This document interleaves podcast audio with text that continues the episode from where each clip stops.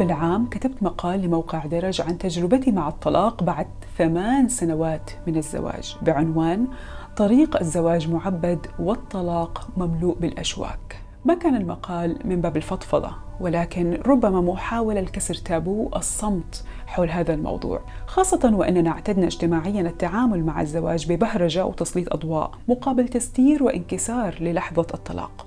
وهذا ربما اللي دفع البعض للاحتفال بلحظة الطلاق بنفس مقاييس الاحتفال وقت الزواج كنوع من ردة الفعل الاجتماعية.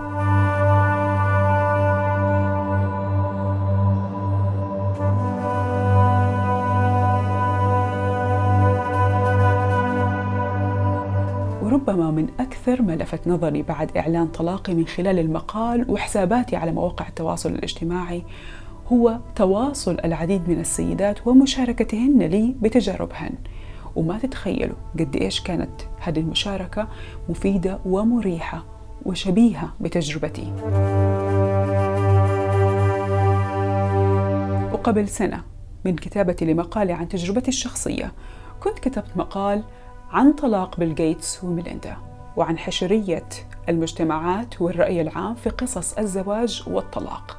اللي غالبا بيكون لها أثر نفسي كبير على الطرفين.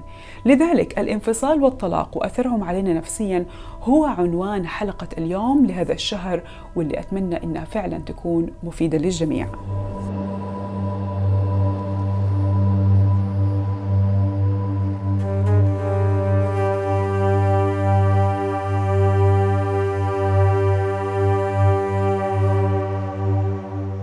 وسهلا بكم في حلقة جديدة من بودكاست عين العقل. معي أنا ميساء العمودي. وأهلا وسهلا بك سيدة آية فاروق المدربة في العلاقات الأسرية في حلقة ثانية من بودكاست عين العقل. أهلا وسهلا أستاذة ميساء أهلا بيكي. اليوم موضوعنا مو مرة بعيد عن موضوع الحلقة الماضية. صحيح أنه ما هو حالة مرضية بس قرار مدروس أو حتى تغيير بسيط في الحالة الاجتماعية ولكن يصاحب في الغالب شيء من القلق والحيرة والحزن حتى وأحيانا الاكتئاب خاصة في مرحلة اتخاذ القرار. خلينا نبدأ من النقطتين المهمتين فيما يتعلق بمرحلة اتخاذ القرار. أثر رؤية المجتمع لفكرة الانفصال على مشاعرنا وقرارنا وأيضا رؤية صاحب الشأن للقرار والفكرة. قديش هذه النقطتين بتأثر علينا نفسيا؟ آه، اولا أحب أعقب على اللي انت قلتيه. طبعا حضرتك يعني موضوع الانفصال والطلاق موضوع شائك جدا. خلينا نقول مش مش في عالمنا العربي بس لأن أنا دايما بشوف إن في ناس كتير بتتكلم. لا هو موضوع شائك لأن إحنا في الآخر بشر. كل العالم عندهم مشاعر وكلهم عندهم قوانين منقوصة تجاه طرف من الأطراف وغالبا النساء هم اللي بيعانوا أكثر في قرار الانفصال من الرجال فيما يتعلق بالقوانين تحديدا. هنيجي لمرحلة القانون بس خلينا نعم. نتكلم الأول على مرحلة اتخاذ القرار. المرحلة دي مرحلة مهمة جدا جدا يا أستاذة ميساء. ليه؟ لأنه هي بتنقسم لجزئين أنا وأنا وأنا والمجتمع. طيب أنا وأنا دي بيحصل تضارب كبير جدا جدا في المشاعر عدم رؤية واضحة لأي شيء خوف وقلق. وزي ما تطرقنا المرة اللي فاتت في الحلقة الماضية إنه الندم على الماضي والخوف من المستقبل بيسببوا الاكتئاب والقلق. فالفكرة هنا إن أنا أقدر اكسبت أي حاجة من المشاعر دي. هي المرحلة دي هي المرحلة اللي بيحصل فيها كده. فأنا مبدئيا لازم أكسبت تضارب المشاعر اللي جوايا تمام؟ لازم أكسبت إن أنا أكيد ما عنديش أي رؤية واضحة للمستقبل دلوقتي لأني ما كنتش ناوية أتخذ هذا القرار. القرار ده لسه موجود دلوقتي. يعني أنا ما عنديش النية من آه من أول ما حصلت الزواج إن أنا أتطلق. أكيد لا ما فيش حد عنده كده. أوكي؟ ف بمجرد حدوث القرار جوايا أو مرحلة في مرحلة اتخاذ القرار لازم اكسبت فكرة إنه آه أيوه أنا عندي تضارب في المشاعر وده لابد منه. طيب السؤال المهم هنا اللي لازم أسأله لنفسي وده مهم جدا جدا هو أنا لما أكمل ولا لما أنفصل مين فيهم أحسن بالنسبة لي؟ أعمل إيه؟ أجاوب السؤال ده إزاي؟ لأنه في ناس كتير بتقول لي أو يعني دايما بيجي لي أسئلة آية الكلام سهل. يعني إنك تسألي السؤال ده وتجاوبيه ده سهل لأنه انت مش جوه الموقف. لأ أنا إذا جوه الموقف بالعكس هسأل السؤال لنفسي بشكل أهم وهديله بريوريتي أو أولوية. لما تسألي السؤال لنفسك أكيد انت حتكوني أكثر إنسان عارفة الإجابة فبالعكس ما المفترض يكون صعب. صحيح. طب أنا بقى المفروض أعمله إزاي؟ وأتمنى تعقبي على الطريقة اللي أنا هقول عليها. ليه بقى؟ لأنه أنا المفروض إنه أنا شخص دلوقتي بياخد قرار آه هيغير حياته بشكل كبير جدا جدا تغيير كبير. فهعمل إيه؟ همسك ورقة وقلم وأصفي ذهني وأقعد معايا. عشان كده أنا قلت إن الجزء الأول والجزء الأهم اللي خلينا نقول إن هو بنسبة 70% من اتخاذ القرار الصحيح هو الجزء ده أو بيعتمد على النتيجة من الجزء ده. إني أمسك ورقة وقلم وأبتدي أقول أنا قدامي أنا هاخد قرار الانفصال. أو هكمل صفحتين قصاد بعض وابتدي أحط العواقب الإيجابية والعواقب السلبية لكل قرار منهم. هنا بيجي دوري أنا. أنا عندي نمط شخصية معين وثقافة معينة وحضرتك عندك أنت يا أستاذة ميساء عندك ثقافة مختلفة ونمط شخصية مختلف وقدرات مختلفة عن قدراتي. ما ينفعش أنا وحضرتك نبقى عندنا اسطمبة نحط بيها العواقب الإيجابية والسلبية لأن كل واحد فينا عنده حياة مختلفة. فهبتدي آخد العواقب دي وأشوف مقدرتي على تحمل العواقب الإيجابية والسلبية بناء على أي من القرارين سواء الانفصال أو إني أكمل في حياتي زي ما هي. فمن هنا هتيجي الأولويات. يعني هل في أطفال؟ ما فيش أطفال. أول ما أبدأ أعمل الورقة دي وأبتدي أهايلايت الحاجات اللي أقدر عليها هقدر أصفي ذهني وأبتدي آخد القرار. أو هيكون عندي رؤية واضحة لقراري. طب هل هنا إحنا هنقف هنا؟ لا إحنا عندنا الجزء الثاني اللي إحنا قلنا ان هو 30% اللي هو المجتمع وتأثيره على قراري في الوقت ده. لو أنا عندي رؤية واضحة فعليا بيني وبين نفسي هقدر آخد الرؤية دي وأوضحها للعالم. طيب هنا في حاجة مهمة قوي لازم أوضحها. مش كل ست المفروض إن هي عندها توضح لكل الناس هي خدت القرار ده ليه. مش كل الناس ليهم الأحقية دي. في ناس أنا بس بعلن القرار وخلاص. الناس دي ملهمش أي تدخل بأي شكل إن هم يعرفوا أسباب اتخاذي للقرار. دي نقطة جدا مهمة دي نقطة جدا مهمة لأنه حتى المشاهير لما بيعلنوا الناس إلا وإلا والصحافة إلا وإلا يبغوا يعرفوا إيش السبب وهذه نقطة جدا جدا مهمة. مش المفروض آه زي ما بيقولوا في الغرب it's not your business at all. مش آه، ده الأمر ده لا يهمك اطلاقا تمام؟ لأنه بس هل المفروض برضو على الأذر سايد أو على الناحية الثانية هل إحنا أستاذة ميساء المفروض إن إحنا ما يبقاش عندنا رؤية واضحة للمجتمع؟ أصل المجتمع ده بيتقسم لثلاث حاجات أهلي أصدقائي والمجتمع الأكبر.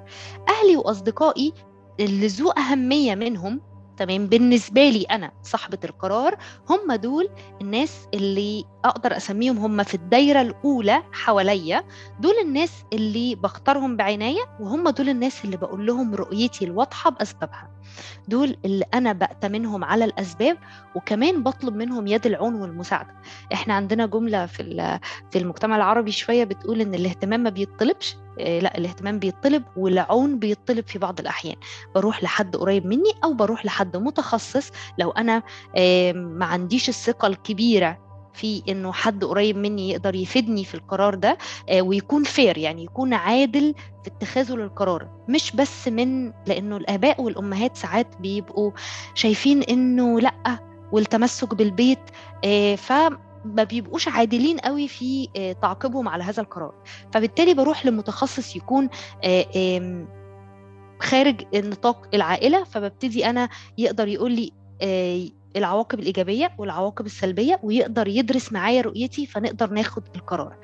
القرار ده على قد ما هو صعب على قد ما هو مفيد في بعض الأحيان جدا لأنه مع اتخاذ هذه الكرايتيريا أو, أو الشكل اللي أنا بقول عليه عشان نقدر ناخد القرار ممكن أعدل عن قراري وأرجع إني أكمل حياتي. فبالتالي أنا هنا عرفت أنا عايزة إيه أولوياتي إيه قدراتي إيه أنا أنهي نمط من الشخصيات وهنا هقدر يبقى عندي رؤية أكبر للأمور ويبقى عندي كمان عرفت مين الناس اللي أنا مستعدة إني أقدم لهم أسبابي ومين الناس اللي لأ الناس دي أنتوا بس بتتبلغوا بالقرار. عشان كده آه، مرحلة اتخاذ القرار وتأثير المجتمع عليا ده شيء كبير جدا. بس أنا كده وضحت إزاي نقدر نتعامل معاه. جميل. أنا كمان أذكر لما زرت أخصائية وقلت لها إنه أنا أبغى آخذ هذا القرار و... ويعني شوية تايهة ومضطربه قالت لي قالت لي كلمة كانت مرة مهمة مع إني أنا كنت وقتها محتاجة مساعدة فعلا بس قالت لي القرار هذا ما حد ياخده غيرك ولا أحد يعرف كيف حياخده غيرك أنت. بس هي كانت تساعدني فقط بالأسئلة تسألني أسئلة عن حياتي وأنا لما أجاوب أفكر ويعني و... كانت بتعطيني الخيوط في الحياة عشان أقدر أعرف كيف حمشي. تعقيبا تعقيبا. على النقطة دي لأن هي نقطة مهمة قوي قوي آه أنا عارفة إن هي خارج نطاق حلقتنا بس خليني أقولها. آه زي ما انت قلتي وأنا بشكر ال therapist اللي انت كنت بتروحي لها جدا من خلال البودكاست لأنه فعلا الناس بتبقى جاية متخيلة إنه ال life coach أو ال therapist هياخد القرار بدالك أو هيقول لك تعملي إيه. لا اتس يعني دي مش شغلتي. أنا شغلتي زي ما هي قالت بالظبط. بنور الطريق. بس أنا بنور وانت بتمشي على الكشاف. فانت بتعرفي بتشوفي وبتقدري تحددي لأن هي حياتك انت في الآخر قراراتك انت. معلش أنا آسفة بس كان لازم أعقب على النقطة دي لا بالعكس. بالعكس أنا الحوار دائما مفتوح حتى لو خرجنا عن الموضوع ما يهمني المهم الفائدة لنا لي وللمستمعين. طيب انت قلتي قلتي إنه الواحد يحاول يشوف على مقدرتك على التحمل وهذه كلمة يعني كبيرة. يعني أنا لما نكون تعبانين أو نكون بناخذ قرار كبير من الصعب نقول مقدرة على التحمل. إحنا شايفين الدنيا صعبة الآن. آه زي هذه القرارات يعني وزي ما حضرتك فصلتي أهمية العوامل الخارجية والداخلية اللي فينا لاتخاذها. بيصير غالبا تضارب داخلي كبير بخصوص القرار وكيفية تنفيذه. ومرات حتى يوصل الواحد للحظات الشعور بالضياع والتخبط خاصة لما تيجي الأصوات اللي من برا. لا ما المفروض؟ لا أعملي. لا هو كيف سوى؟ لا أنت كيف سويتي؟ كيف بيتجاوزها الواحد؟ كيف بيتعامل معها؟ مبدئيا كده هو أول حاجة زي ما اتفقت أنه أنا وأنا 70% آه، أول حاجة أنا مش المفروض إن بمجرد ما آخد يعني خلاص أنا دلوقتي عندي مشكلة كبيرة في حياتي وأنا ايقنت إنه أنا مش هقدر أكمل في العلاقة الزوجية دلوقتي. أنا كسيدة مش المفروض إني أول حاجة أعملها إني أروح أصرح للمجتمع. لأنه زي ما انت قلتي المجتمع دايما ساعات كتير بيكون الأصوات الخارجية بتغطي على الأصوات الداخلية اللي هو صوتي أنا الداخلي بتغطي عليه فبالتالي بيخمدوا المشكلة بس مش بيحلوها. بتحصل إخماد للمشكلة. جاست إني أنا بخمد البركان بس مش بحله أو مش بعرف إيه سببه وابتدي أشتغل عليه. فبالتالي مش هيبقى في حاجة. فأول خطوة هي عدم التصريح بالقرار لأي حد. خارجي غير أنا وال partner حتى ال partner بتاعي أو الشريك اللي أنا اللي أنا معاه دلوقتي زي ما قلت أنا وأنا هو الأهم. فبالتالي أنا لما آخد القرار ممكن أول حاجة أعملها إني أسافر مكان مثلا لوحدي أو آخد مثلا استراحة عند أي عند أهلي مثلا على حسب انت حياتك تقدري تعملي إيه. هتاخدي وقت لوحدك مع نفسك وتبتدي حتى قبل التصريح للشريك. متخيلة؟ يعني قبل حتى ما أصرح للشريك إنه آه إنه أنا دلوقتي حاسة إن أنا عايزة أنفصل أو أمشي أو يحصل الطلاق. لأنه زي ما قلت العدول عن القرار ممكن يحصل في خلال هذه الفترة. فبالتالي أنا بقعد مع نفسي واقرر أنا هعمل إيه. دي أول حاجة. بعدين أنا بصرح لأول شخص مهم اللي هو ال 50% الثانية من العلاقة اللي هو البارتنر أو الشريك بتاعي. تمام؟ هتسترخي وبعدين تبدأي تبلغيه وصلتوا أنتوا الاثنين لرؤيه واضحة. طيب طبعا هنا في ناس هتهجم وتقول إنه أصلا الشريك ده ما فيش أي لغة حوار. مفيش كلام. آه، إحنا عندنا مشاكل. طيب أنا لو قلت لك إنه ممكن تتكلمي معاه بشكل مختلف لأول مرة وهي إنه تحولي آه، الانفصال لإيجابيات بمعنى إنه أنا إحنا هننفصل عشان إحنا بنعاني من فقدان لغة الحوار. فإحنا بعد ما نتطلق كل واحد فينا هيقدر يقابل حد تاني يبقى معاه في لغة حوار أو يقدر يبقى مفيش مشاكل فما يبقاش فيه ضغط عليه من المكان اللي المفروض هو الاستقرار بتاعه. ده واحد. طيب لو أنا ما عرفتش أتكلم معاه خالص هنا هنلجأ للنقطة اللي حضرتك اتكلمتي عليها القانون أو القضاء. تمام؟ خلاص أنا ما فيش في إيدي حلول. والأصوات الخارجية أكبر مني وأنا صوتي الداخلي بيقول لي إنه أنا لازم أنفصل هو ده القرار الصحيح. وأنا حاولت أتكلم مع الشريك مرة واثنين وثلاثه بطرق مختلفة زي إن أنا قلت إن أنا هحول كل حاجة كانت سلبية ما بيننا لإيجابيات هتعود عليا وعليه بعد الانفصال. فما حصلش. فهلجأ للقانون. أنا طبعا في الغالب لما أتكلم عن الانفصال والطلاق إن جنرال في العالم بشكل عام آه، ما أكون بتكلم عن الحالات الإيجابية اللي حنجلس ونتفاهم. يعني في ناس بتتعرض لعنف جسدي وفي ناس بتتعرض لعنف نفسي وفي ناس بتكون عايشة مع شخص يعني بيحاول يستغلها لآخر لحظة وفي أشياء مرة كتير صعبة في الحياة بسمعها. ف... فلذلك إحنا ما بنتكلم عن الناس اللي بس... ببساطة حجلس وأتكلم معاه بس فكرة القانون وفكرة حتى أحيانا استشارة ربما الناس اللي عارفين الحكاية من البداية أو الناس اللي إحنا نشوفهم حكيمين في حياتنا أو زي ما أنا عملت يعني الثيرابيست كمان المعالجين يعني بيوصلونا أحيانا لطرق ما هي بطالة تختصر لنا شوية أحيانا. بس آه، خليني أقول لك لما لما ذكرت إنه في يعني إنه الموضوع مو بعيد عن الحلقة الماضية في مقدمة الحلقة كان بسبب مرور بعض آه، يعني الحالات اللي شفتها بحالة من الحزن توصل أحيانا للاكتئاب و أحيانا تكون هذه نتيجة الندم على الماضي زي ما إحنا تكلمنا في الحلقة الماضية بمعنى إنه الوحدة تبدأ تفكر أو الواحد حتى عن ضياع العمر والشعور بالحسرة على الصمت خاصة الناس المعنفين نتكلم عنهم. وأيضا كمان لما بيكون في قلق من المستقبل بيكون خوف من خوض المصاعب من جديد بمفردنا فجأة الوحدة أو الواحد يلاقي نفسه لوحده معاه أطفال إلا يكون حيشيلهم لوحده هل في طرق عملية لتجاوز هذه الحالة عشان ما تتضخم وممكن تتسبب حتى أحيانا بالضرر لصاحب القرار وتوصله فعلا لاكتئاب عميق أو قلق كبير؟ مهم جدا جدا نعرف جملة مهمة قوي قوي وأحب إن الجملة دي تبقى قدام عينينا نكتبها في ورقة بهايلايت كبير كده ونحطه في أي مكان واضح اللي هي ليها علاقة بالندم على الماضي أي bad experience equal لي learning experience يعني بمعنى أي تجربة فاشلة أو تجربة ممكن نقول غير ناجحة هي تجربة تعليمية. بمعنى إني اتعلمت منها. لو أنا غيرت الفكرة بشكل معين زي ما قلنا في الحتة بتاعت ال psychotherapy المرة اللي فاتت معنى إني أنا أعمل restructuring للأفكار بتاعتي وإنه أنا أبتدي أعمل thought records أشتغل على ال two points دول هبتدي أنا أنفذ إيه ال concept ده أو المعادلة دي إنه أي تجربة سيئة أنا تعرضت لها في الماضي هي تجربة تعليمية. يعني إيه؟ يلا نتكلم عن الإيجابيات اللي أنا طلعت بيها. أنا دلوقتي بتمتع براح براحة بال أكبر من ناحية نقطة معينة. طب ندخل على الحتة الثانية بتاعت القلق من المستقبل. الحل هنا إنه الطرف ده يشتغل على الحاجات أو الكابيبيلتيز أو القدرات بتاعته.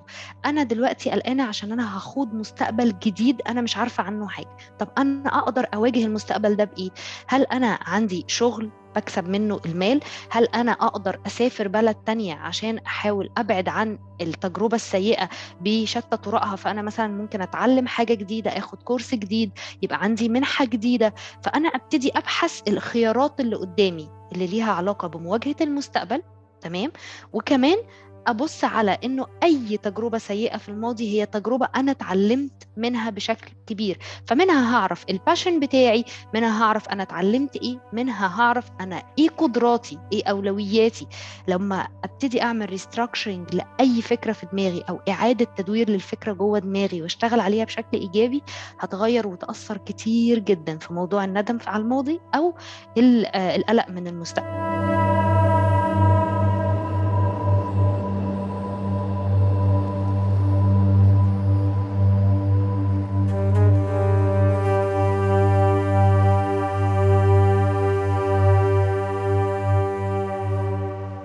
الأفكار والنصائح التكتيكات ربما العملية اللي تساعدنا بعد اتخاذ القرار. آه، كيف يتم تجاوز الذكريات خاصة المؤلمة منها؟ زي أرجع تاني أقول الناس اللي فعلا تأذت من العلاقة بلاش نقول مرة شيء كبير عنف وضرب ومش عارف إيه بس في أذى صار. وخاصة تعرفي في نهاية العلاقات أحيانا يعني حتى لو كانوا اثنين كويسين وقرروا ينفصلوا أحيانا تخرب العلاقة في الآخر فكيف بيتجاوزوا هذه الذكريات المؤلمة؟ أول حاجة آه، لازم أنا هوجه شوية زي ما أنت قلتي الستات هم اللي شوية بيعانوا أكتر من الانفصال في حالات الانفصال والطلاق وكده. فخليني أقول لها يعني للست دي الأول أول كونسبت تحطه في دماغها أو فكرة تحطها في دماغها هي إن أنت مش لوحدك. يعني في غيرك كتير قوي آه، خاضوا اتخاذ القرار وأخدوه فعلا وبعد ما خدوا القرار ده وابتدوا يشتغلوا عليه لقوا نفسهم أحسن بكتير. آه في منهم ناجحين كتير.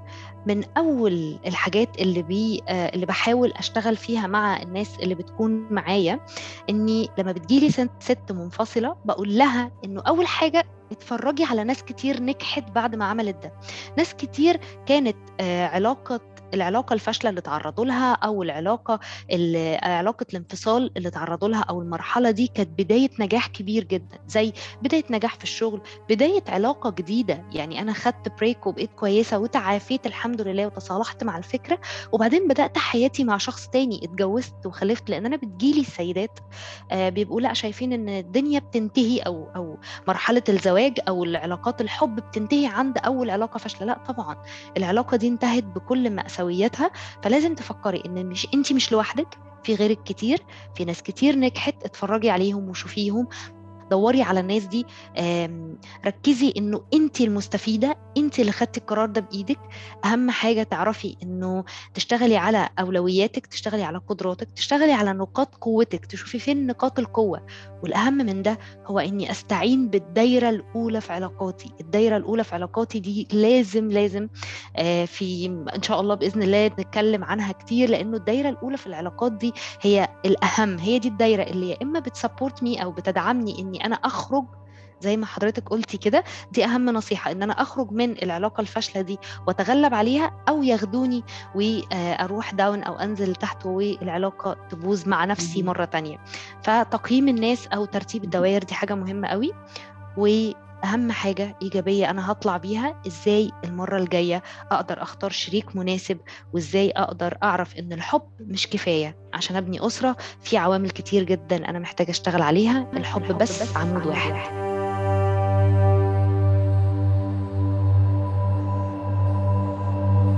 طيب متى تكون الحالة أقرب إلى أنها مرضية بعد الانفصال والوجع والذكريات؟ هل في مدة زمنية محددة لمعرفة إذا ما كان الشخص بحاجة لعلاج وطبيب نفسي وأنه الحالة قاعد تكبر معه؟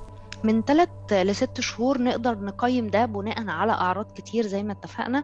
إيه ونظرا إن إحنا اتكلمنا فيها هذكرها بسرعة. الأعراض الاكتئاب هي أعراض واحدة في الآخر.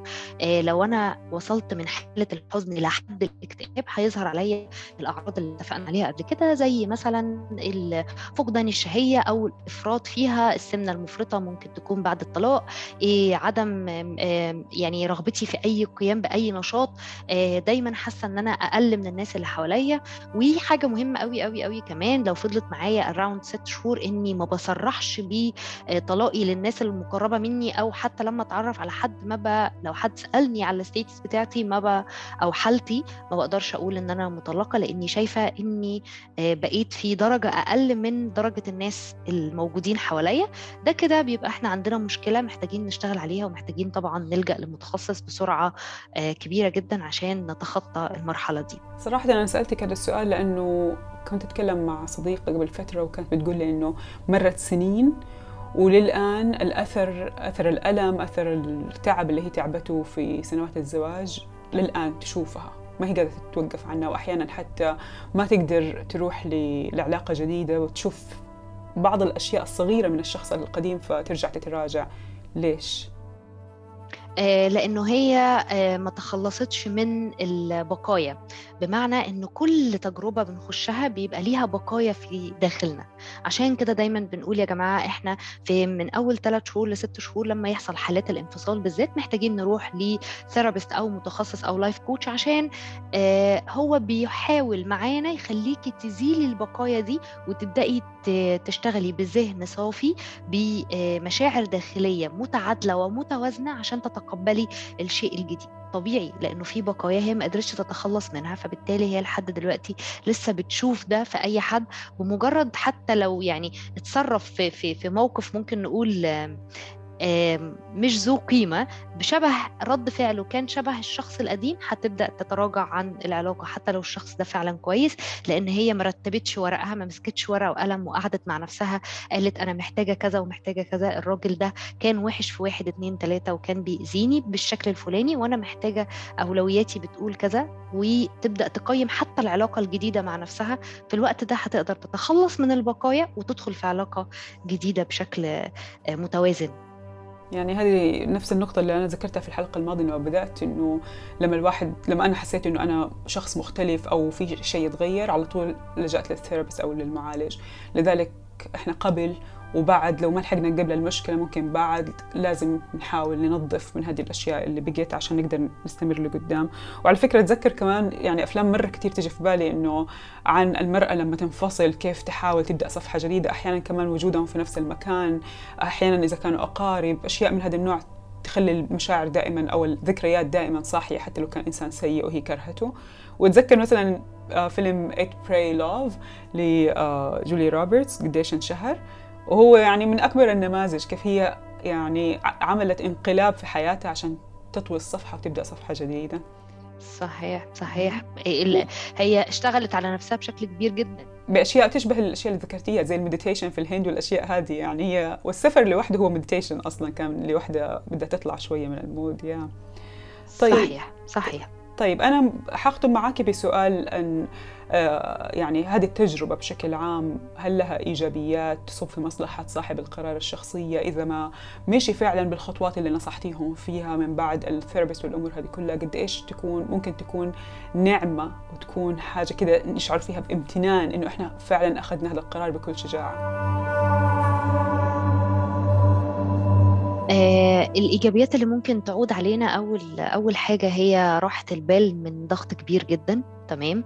آه بتحسي بإنه آه بريلاكسنج كده بتقدري تفكري بذهن صافي إنه أنا هعمل إيه.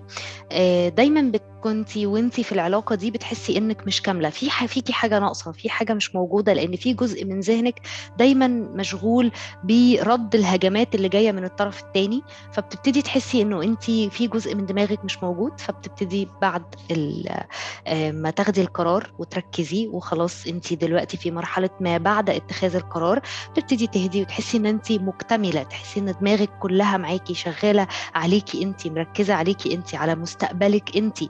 فده حاجة إيجابية مهمة جدا. وزي ما قلت قبل كده وهرجع أقولها تاني عرفتي أولوياتك عرفتي إيه اللي تقدري تعمليه وإيه اللي ما تقدريش تعمليه عرفتي إن أنت تقدري وبقى عندك القرار أو وبقى عندك من القدرات اللي تقدري بيها تقولي لأ تمام أنا مش عايزة كذا أو أنا عايزة الحاجة دي وهعملها. وزي ما قلت إنه الحب عمود من من أعمدة كتير قوي لازم تكون موجودة. تجربتي آه كانت تجربة فاشلة آه بس أنا ممكن أعمل تجربة تانية جديدة أقدر بيها أكمل حياتي وأقدر أعمل حاجات كتير في حياتي ناجحة. لو فضلتي تقولي لنفسك الجملة دي هتلاقي نفسك خرجتي من التجربة دي أقوى من ما كنتي قبلها أو حتى خلالها.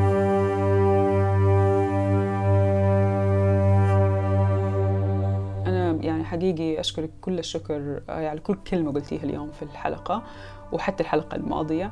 وأنا حتى بعد الطلاق آه، كتبت مقال عن هذا الموضوع وكنت أحاول أقول للمجتمعات إنه ترى الطلاق زي الزواج يعني هو مجرد قرار زي ما أخذناه بشخطة قلم الزواج فحتى الطلاق حتى لو كان في المحاكم مبهدلة بس في النهاية بيكون هو قرار يعني زي ما أخذنا قرار الزواج.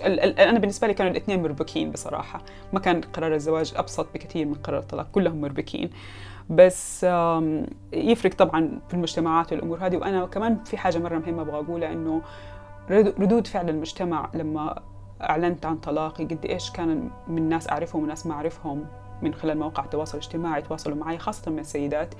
أنبهرت قد إيش إنه كان في مؤازرة وقد إيش في قصص تشبهني وقد إيش في ناس كثير مروا بتجارب مرة مشابهة وما عندهم مشكلة يتكلموا فيها وهذه حاجة جدا جميلة لأنه إحنا قاعدين نتخلص من رواسب من وإحنا أطفال كنا نسمعها طلاق كأنه مصيبة كبيرة في الحياة وهو الحقيقة مجرد قرار.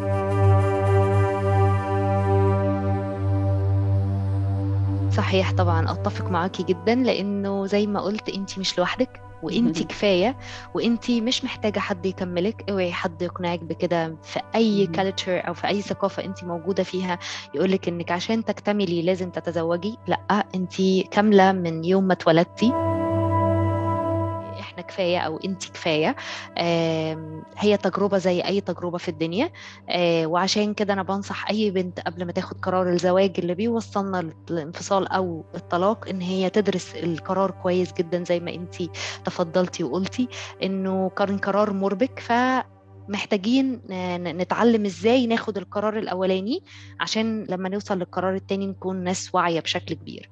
فأنا أتفق جدا معاكي آية فاروق المدربة في العلاقات الأسرية أشكرك لوجودك معايا في بودكاست ساعين العقل هذا الشهر. وأكيد أنصح الجميع من المستمعين بمتابعتك ومتابعة كافة ضيوفي على حسابات مواقع التواصل الاجتماعي وخاصة على الإنستغرام اللي أنت كتير فاعلة فيه وتعرفت عليك من خلاله حتى. وطبعا أنا بضيف دائما معلوماتكم أسفل الحلقة في النص المكتوب.